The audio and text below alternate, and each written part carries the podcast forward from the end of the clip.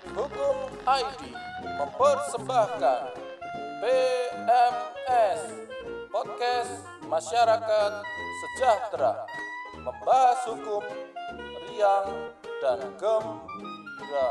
Ha, ha, ha.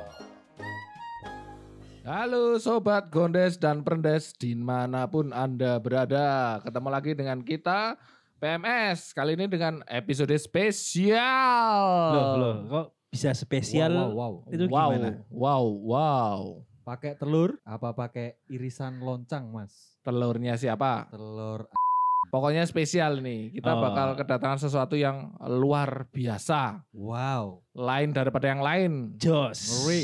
Magnificent serem. Heboh Viral. Ho Nah, sebelumnya ini kan kita tayang setelah momen lebaran ya, Mas. Betul. iya, kita betul. mengucapkan selamat lebaran lagi. Oh, Kemarin kan iya. sudah, ini yang kedua. Lebaran ketupat berarti yang kedua Eh, lebaran ketupat buat Pat-pat gulipat. buat para pendengar setia dari podcast masyarakat sejahtera. Ini gimana Ndoro? Ada obrolan apa ini Ndoro? Ada yang menarik. Ya, apa itu yang menarik? Nah, mumpung kita ketemu di podcast, ada pertanyaan nih Mendorong, Mas Osrod. mendorong boleh nggak? Boleh. Menarik dan Nanti mendorong. ada gaya. Oh iya. Ada gaya dorong, Oh, ya iya, kan? siap, siap. Nah, ini yang menarik dulu. siap, Yang siap, menarik. siap. Bagaimana ini? Nah, eh, ngomong-ngomong nih, lagi ada kabar yang heboh soal film streaming yang di anu tidak boleh istilahnya tayang. Oh, kok Bokep, bisa? streaming bokep. Bukan mas. Oh, bukan. Bukan. Oh. Semua streaming film yang dia eh, tidak ada lisensinya Heeh? itu katanya akan dilarang sama Kominfo. Oh, Kemarin- pantesan. Kemarin itu di berita, saya baca berita, eh, Jenderal Kominfo-nya, Heeh. Direktor Direktorat Bintang berapa itu sih? Kominfo, nggak tahu bintang tiga terpercaya mungkin Sembilan. tiga mas. Oh tiga. Tertinggi kan lima. Jangan ngomongin bintang. Oh iya. Belum malam soalnya. Oke. Iya paling banyak kan lima. Enggak, sembilan juga ada. Ya boleh. Terserah ya.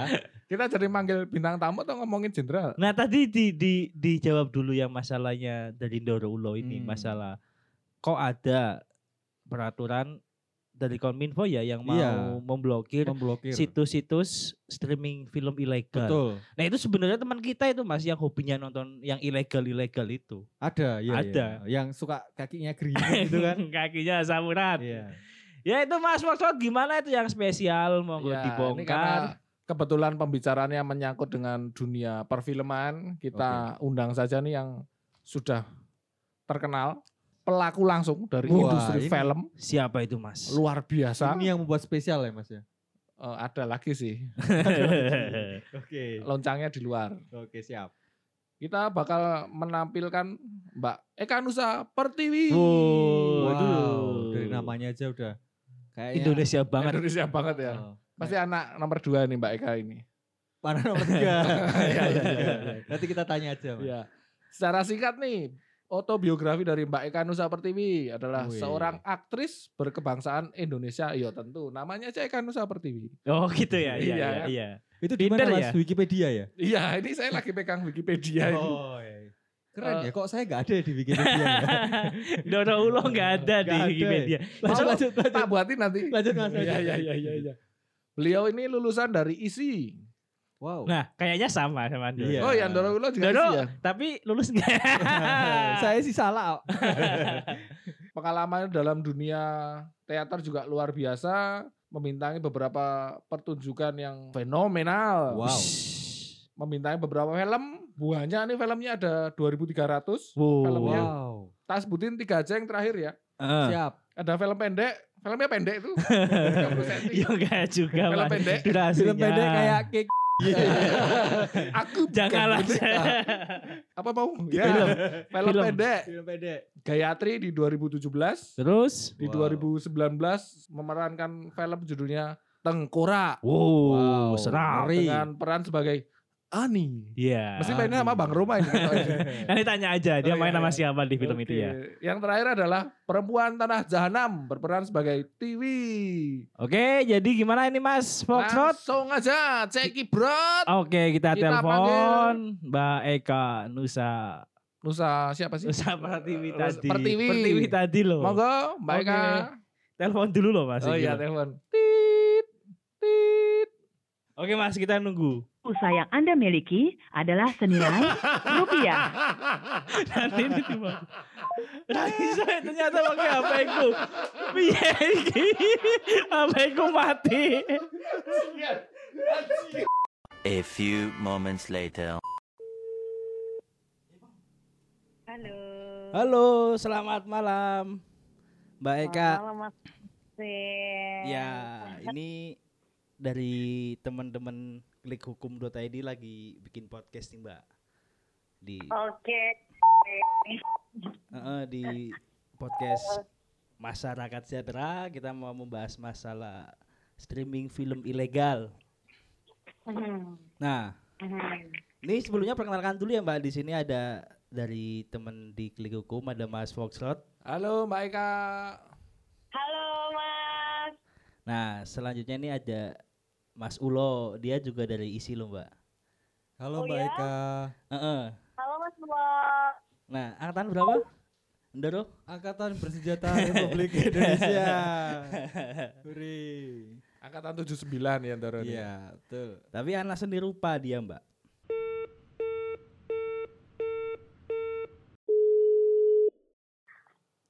Halo, Mbak. Halo maaf Mbak, tadi sempat terputus ini Mbak. Gak apa-apa, gak apa-apa. Em, ini mengganggu waktunya sebentar nih Mbak. Kita ngajak Oh, ngobrol ngobrol-ngobrol soal eh, perfilman khususnya film-film bajakan gitu Mbak. Film Mhm. ilegal gitu ya Mbak ya, lebih tepatnya. Mhm, mhm. Sebagai praktisi nih Mbak Eka, Mas Foxtrot mungkin pertanyaannya apa Mas Foxtrot? Ya seputar dunia film sih. Heeh. Hmm. Jadi gini Mbak Eka eh, minta pendapatnya sebagai insan perfilman Indonesia. Eh, Mhm. Pendapat Mbak Eka sendiri soal film-film bajakan, khususnya juga eh, dunia perfilman streaming-streaming film bajakan itu gimana Mbak? Oke, eh, sebenarnya kalau dari saya dan teman-teman kita sudah sering diskusi tentang hal ini ya. Jadi aku malah nggak tahu nggak tahu sih sebenarnya kalau tentang dunia itu eh, karena aku sendiri tuh kalau nonton ya di bioskop atau eh, beli DVD-nya gitu kan, beli DVD yang ori tapi ya. Wah gitu. ini Iya. orang kaya ini kelihatannya nih. kayak gitu. Berarti nggak pernah nonton gitu, film tapi- bajakan Mbak? kalau nonton film bajakan, kalau mungkin pernah ya, mungkin ya, mungkin pernah karena kan kita nggak tahu mana beli bajakan atau enggak gitu kan. Kalau Maksudnya dalam bajakan arti tuh yang ada kepalanya itu loh Mbak, lewat kadang. Maksudnya kita ketika lagi kita ke mana gitu kan, kan nggak mungkin semua orang kan nggak mungkin ya kalau nggak- nggak pernah nonton film bajakan gitu kan. Iya. Kita kan ah gitu. Jadi mungkin kalau kita lagi ke mana, mungkin pas kita lagi nonton film atau mungkin itu bajakan filmnya nggak tahu juga gitu. Hmm. Nah tapi kalau dari praktis kalau kita dari dari kita sendiri untuk si pembuat film atau yang bergelut di film itu praktisi film itu sebenarnya ah, agak takut-takut. Berdampaknya adalah eh, takut ketakutan kita semua untuk misalkan gini, ke, eh, contohnya ya kemarin waktu masa pandemi ini gitu eh, tiga bulan tiga selama tiga bulan ini kan kita mencoba untuk coba deh yuk kita apa namanya eh, streamingin film-film kita gitu kan yang Hmm. yang sebenarnya susah diakses kan gitu. Bisa diakses di festival gitu kan. Terus udah yuk kita eh, eh, streaming di YouTube Eh, ternyata mohon maaf Mbak, ini putus-putus bisa diulangi sedikit Mbak? oh ya Allah. Oh ya ya oke oke. Halo halo udah Ya, halo. Oke. Ya, oke. Nah, sebenarnya eh, misalkan kalau kita sih takut-takut dalam arti dampak dampaknya ke kita tuh adalah psikologis gitu. Ah, Hmm. Kita kayak movie, misalnya kayak kita sebagai praktisi film, praktisi film kita takut-takut dalam arti gini. eh misalkan kita mau eh, share film kita di YouTube, gitu kan? Hmm. Heeh. untuk untuk eh, galang dana misalnya. gitu. Nah terus eh, perhitungan teman-teman adalah misalkan gini, aduh kalau film kita dibajak gimana? Gitu. Karena Hmm. nggak aman, juga aman gitu kan.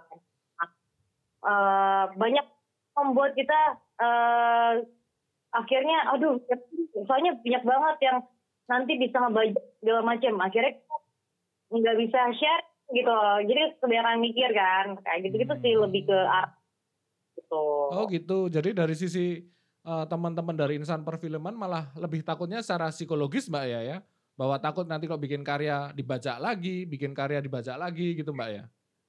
Iya, karena gini ya, sebenarnya sih kita mau aja sharing-sharing dalam arti eh, teman-teman film kan eh, ini ya maksudnya kayak banyak banget ya yang sharing-sharing gitu. ah.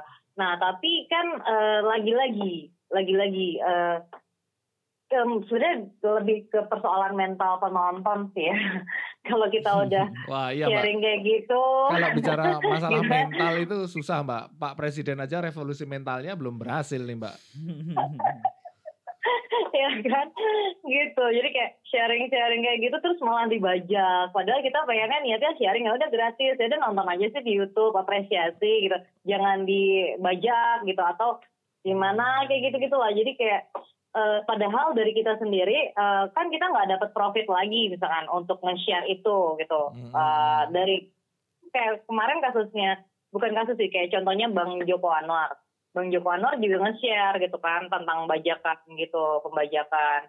Eh, udah disediain eh, apa namanya platform online yang legal, tapi ternyata tetap aja teman-teman masih mau pakai yang eh, ilegal. Ya. Padahal ini juga ada loh gitu ya penalti kayak gitu gitu kan. Eh, Seenggaknya kita tuh butuh apresiasi lah gitu. Iya, kita iya. senang kalau diapresiasi secara dan eh, apresiasinya thanks to lah atau apalah Iya. pokoknya wah kita kan bisa ngerasain kayak gitu sih Iya betul Kayak mbak. gitu. Jadi kan dari teman-teman perfilman udah effort nih kita pada buat film Mhm. tentunya juga pakai usaha, pakai keilmuan.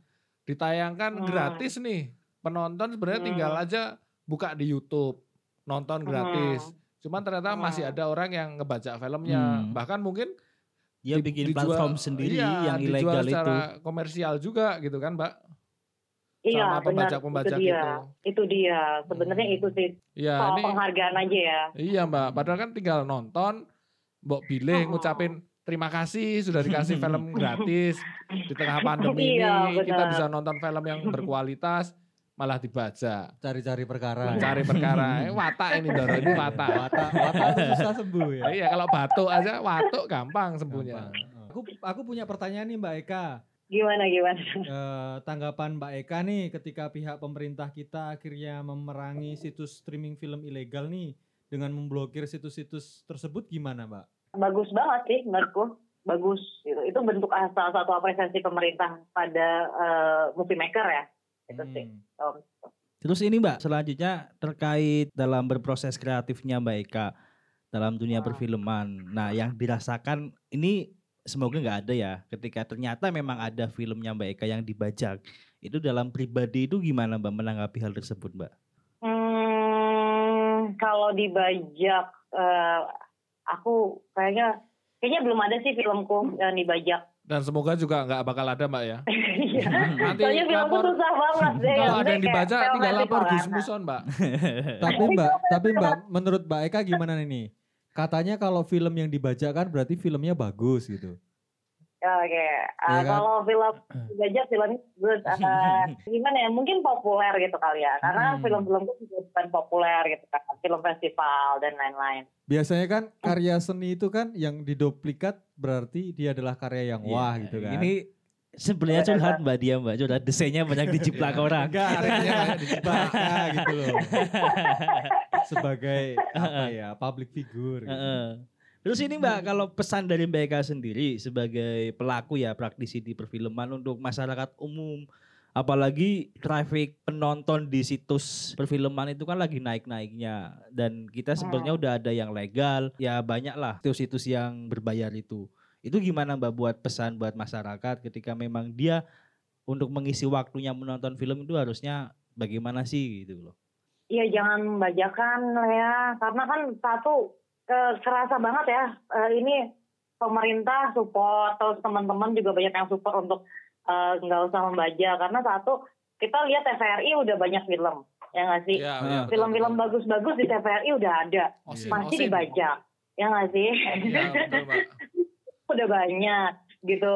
Terus masih aja dibajak itu tuh kurang apa sih gitu kan. Jadi mending ya udah sih nikmatin aja nonton aja. Kalau nggak beli DVD-nya kalau mau nonton berkali-kali gitu loh. Betul, betul. menurutku tapi kayak gitu sih. Nah kalau bagi mungkin kalau aku sih film-filmku aku juga nggak tahu ya udah dibajak atau enggak Uh, tapi memang kayaknya belum gitu. Kan memang belum. Tapi kalau aku ngerasain sih kayak kayak teman-temanku yang yang kayak uh, movie maker maker yang lain yang udah populer kayak gitu uh, dibajak itu filmnya rasanya tuh uh, kayaknya gimana ya? Rasanya tuh kesel gitu loh.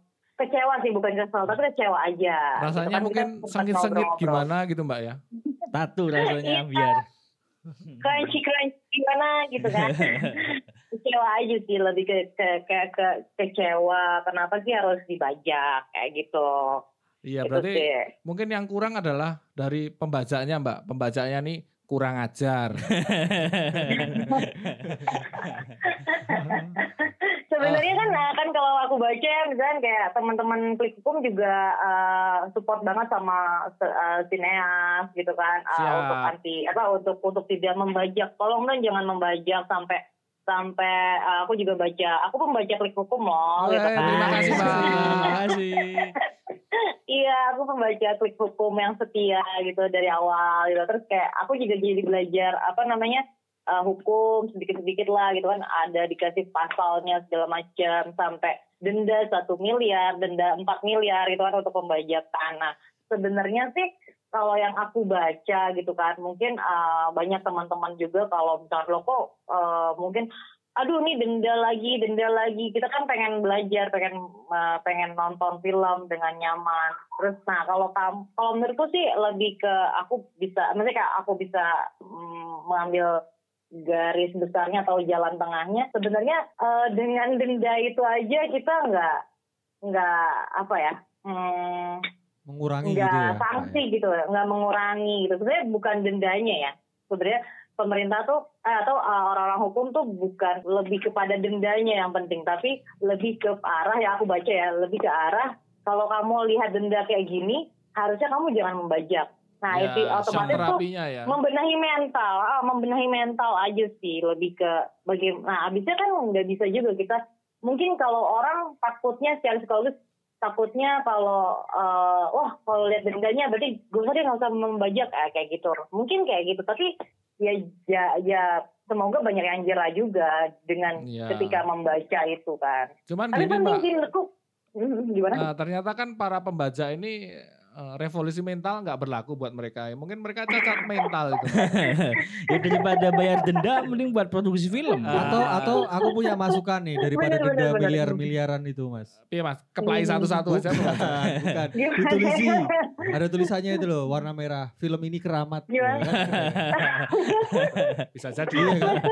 Kan biasanya tulisannya gitu, jangan kencing di sini nih keramat. Gak berani dong Kalau nggak kencing. di bawah bimbingan alam gaib, gitu. Iya. Gak berani mesti. baca santet. Iya. Wah menarik. bener banget Eh ya Mbak, eh, ini ini yang terakhir nih Mbak ya. Ini kan kita bicara soal regulasi. Berarti kan regulasi itu kan buat pemerintah. Eh, gimana sih pendapat Mbak Eka sendiri sebagai insan perfilman Indonesia yang sedang berkibar melanglang buana ke sana kemari? Eh, pendapatnya, pesan-pesannya buat pemerintahan Donald Trump ini ke depan. Indonesia mas. Hollywood ya, Hollywood. Beda. Ini Bukan. kan Indonesia ya. Pesannya dari Mbak Eka sendiri nih untuk pemerintahan Indonesia ke depan soal kemajuan insan perfilman Indonesia. Hmm, lebih rata aja sih. Menurutku harusnya lebih rata. Kalau misalnya mau support itu lebih rata. Eh, jadi di daerah juga disupport kayak gitu. Eh, Gak hanya di pusat kayak gitu. Terus eh, lebih rata lagi support keseniannya karena eh, kita biar pajak dan pajak itu juga harusnya kembali ke rakyat Ya, seluruh betul, betul. Indonesia menurutku. Seluruh Indonesia nggak cuma di pusat nggak Ya. per- terhenti di pusat sih menurutku. Jadi misalkan kayak di teater juga butuh di, disupport ya. Teater tuh butuh disupport kayak gitu. Memang sih teater saat ini belum menghasilkan banyak uang untuk negara, tapi orang-orang teater juga bayar pajak kan. Iya betul Mbak. gitu. Bahwa orang-orang teater kan juga warga negara Indonesia dong, Nah, yang taat pajak. Iya. Harusnya pemerintah juga nggak pilih-pilih kan, Nah, semua disupport. semua Ah. disupport gitu. Eh, gitu. gitu ya. Berarti yang saya tangkap beberapa hal itu tadi untuk kemajuan insan perfilman dari Mbak Eka Nusa Pertiwi. Ini terima kasih banyak Mbak buat eh, kerjasamanya. Mungkin Dan lain kali waktunya. dan waktunya. Mungkin lain kali bisa datang berkunjung ke sini. Kita Siap. punya acara-acara Siap lain ya kan. atau bikin Siap tulisan gitu. Nanti tinggal hubungi Gus Muson ini. siap, siap, siap. Oke Mbak, terima kasih banyak buat waktunya Mbak. Jangan kapok ini kami Iya. bertiga memang rodo kendir Mbak. Aku kaget loh ternyata klik hukum tuh eh, ro- rodo-rodo kayak gini ya. Oh rame. iya Mbak, iya Mbak. Kita Ternyata aku kira serius banget Oh kalian. enggak, enggak. Bahkan series itu enggak ada di kamus kita Mbak. Serius sudah bubar kok. Udah bubar ya? Bubar. Candilnya udah total dawet sekarang. Dawet ireng ya di kalasan. Ya sekali lagi terima kasih banyak Mbak Eka. Ditunggu kehadirannya di klikhukum.id.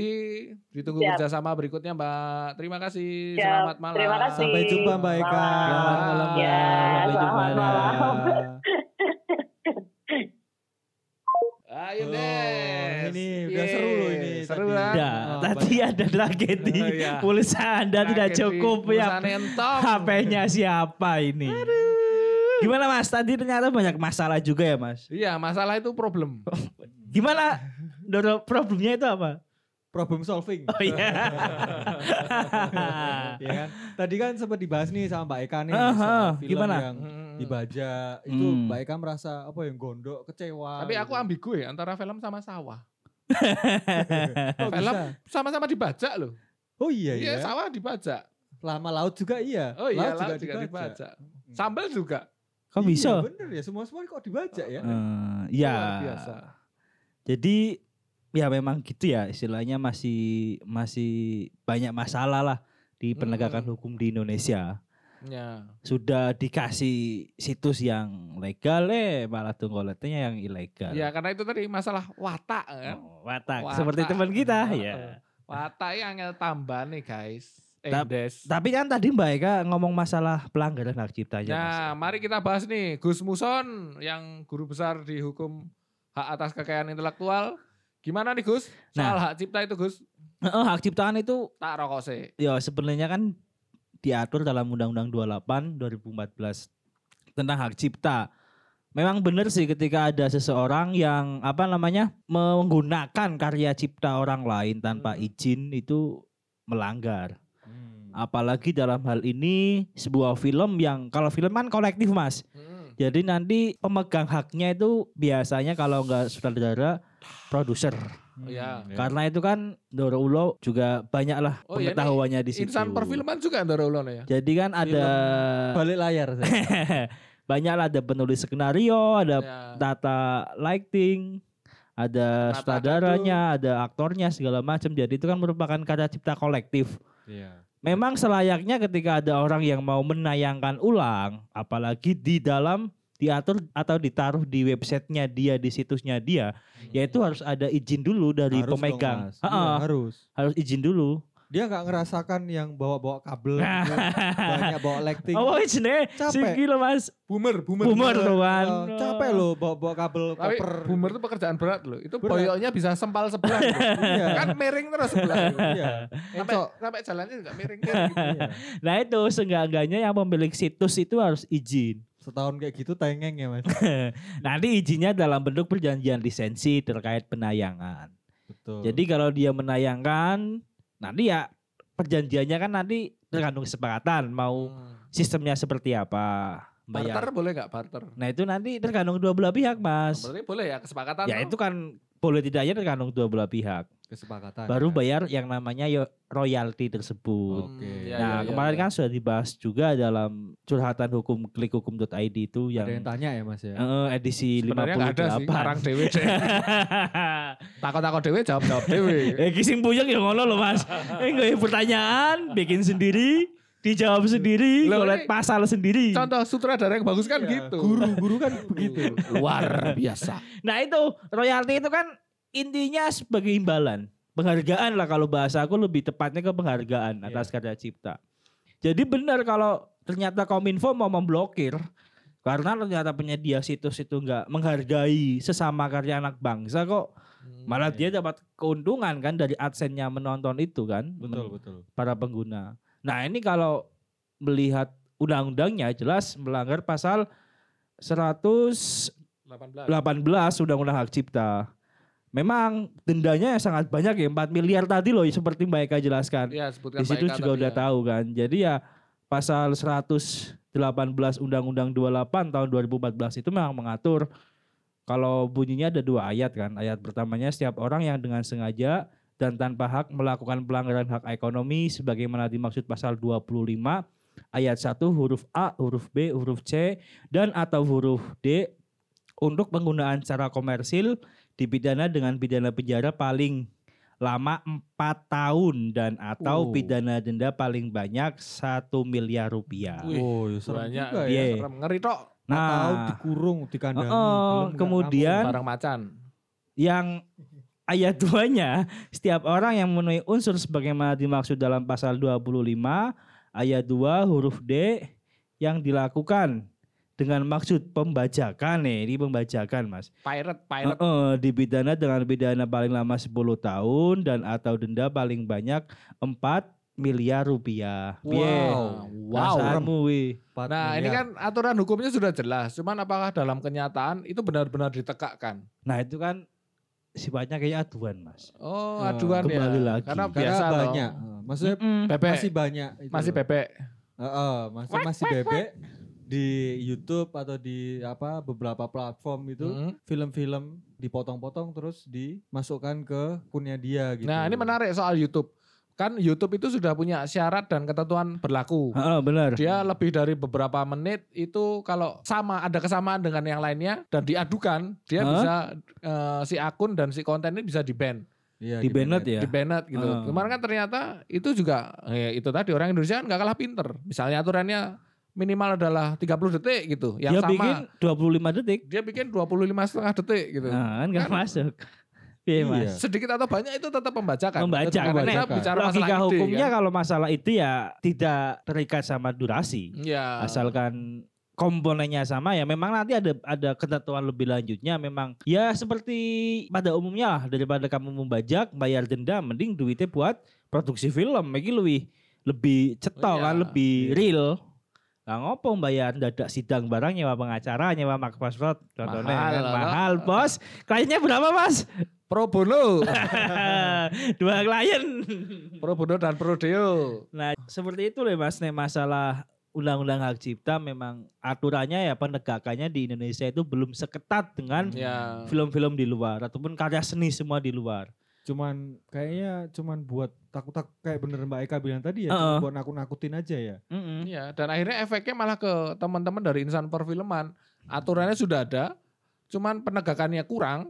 Akhirnya efeknya psikologis. Hmm. Teman-teman jadi Mau- terbelenggu kreativitasnya. Mau Mereka berkarya, merasa ah, Takut dibaca, takut dibaca.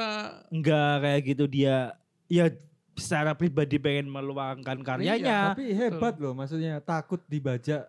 Berarti kan berkarya. Kalau saya nggak ngapa-ngapain takut dibajak. juga. Nah, ya, kamu takutnya di mana? Ini rada lumayan. Bisa jadi loh. Bisa jadi. ya gara-gara beli sarung kegedean itu kemarin. Jadi emang Doro ini di podcast edisi Ramadan kemarin beli sarung tapi kegedean. kegedean guys. Jadi ya nih kalau mau mendengar silahkan diputar podcast yang kemarin terkait belanja online sarung kegedean itu. Tapi jangan dibaca ya. Ngeserong teke. Tapi udah ada loh mas, udah ada yang bikin meme sarung kegedean itu loh. Wah, Iya ini, dong. ini. Oh, ini- ini langganan dari juga Sopo. ini berarti kan? Tanda-tanda dibaca. Tapi berarti. ya udah ada yang bikin meme itu. Wah ini tanda-tanda dibaca. Iya ini. kan? Nah ngomong-ngomong soal hak cipta, pembajakan. Kan dengar-dengar nih dalam suatu karya cipta itu ada di- dua nilai luhur. Dua hak ya. Dua hak ya, hak Ah. moral sama hak ekonomis. hak ekonomis. Iya itu Gus, apakah hak ekonomis itu lebih rendah daripada hak eksklusif dan hak bisnis atau gimana? Sebenarnya gini mas, eksklusif itu kan hak cipta itu sebenarnya kalau bahasa hukumnya itu bukan pendaftaran.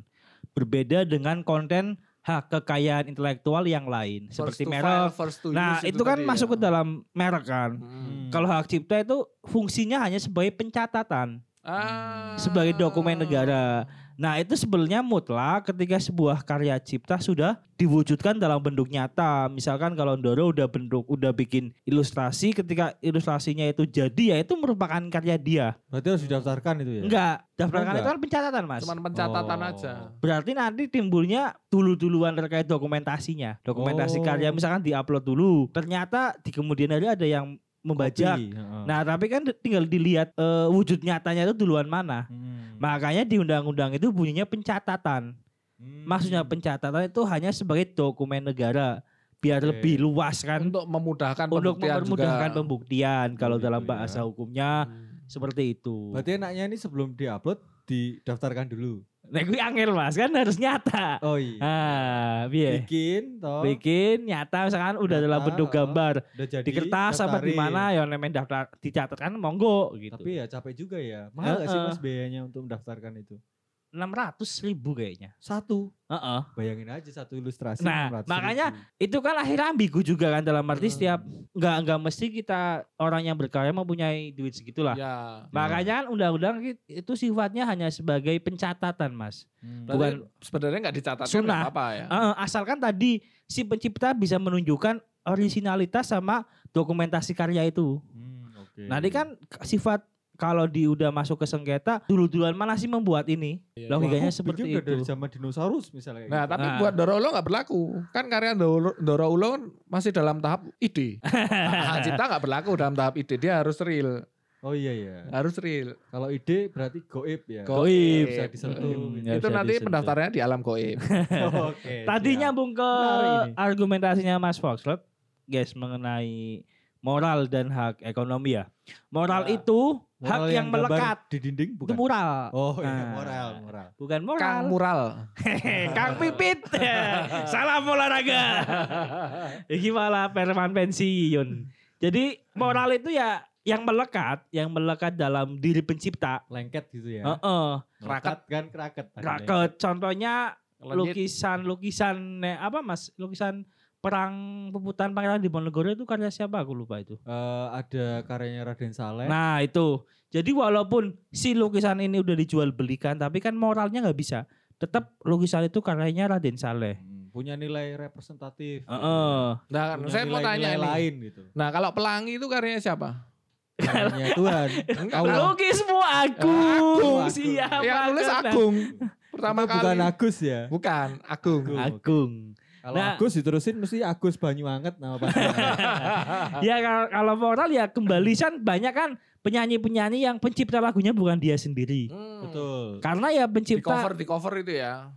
ya itu bisa juga tapi Di yang cover mas. misalkan Oh, di gini, cover ya? misalkan gini yang pernah ada kan yang di Indonesia Idol yang ning nong ning yang dibeli Ahmad Dhani iya, itu. Oh, iya. iya. Ning nong neng neng neng nong. nong neng neng neng nong neng. Nah itu kan Bukannya kan mirip Doro Ulo ya. Oh iya tuh. Iya kan? aku belum lihat tadi coba tak lihat. Oke dulu. coba lihat ah. Harus harus harus dilihat. Neng neng nong neng. Itu kan neng, neng, penciptanya neng, bukan neng, Ahmad neng, Dhani. gitu. Iya. Nah makanya Ahmad Dhani membeli, membeli karya itu hak ekonominya bisa dipindahkan melalui lisensi tadi perjanjian lisensi. Bahkan bisa diwariskan ya. Heeh. Untuk kejadian almarhum, Almarhum Didi Pak Kempot. Didi Kempot. Nah itu kan akhirnya keluarganya yang mengurus. Hmm. Tetapi kalau hak moral itu tetap melekat. Bagaimanapun lagu itu kan punya si pencipta aslinya. Siapa pun Iya. yang menyanyikan ya. Heeh, itu dan nanti prakteknya ketika dia mau mengcover apa segala macam itu kalau berbicara moral itu berbicaranya kulon nuwun kalau Jawanya. Iya. Kulo nuwun, sinten nggih? dulu. Kulo, Kulo sinten? kulo nuwun. Nah, Balik itu i- meneh. intinya izin dulu. Kalau masalah hak ekonomi baru ketika nggak ada peralihan hak, Mm-mm.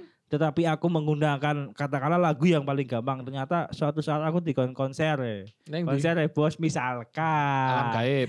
di kon- konser aku membawakan lagunya katakanlah almarhum Pak Didi Kempot.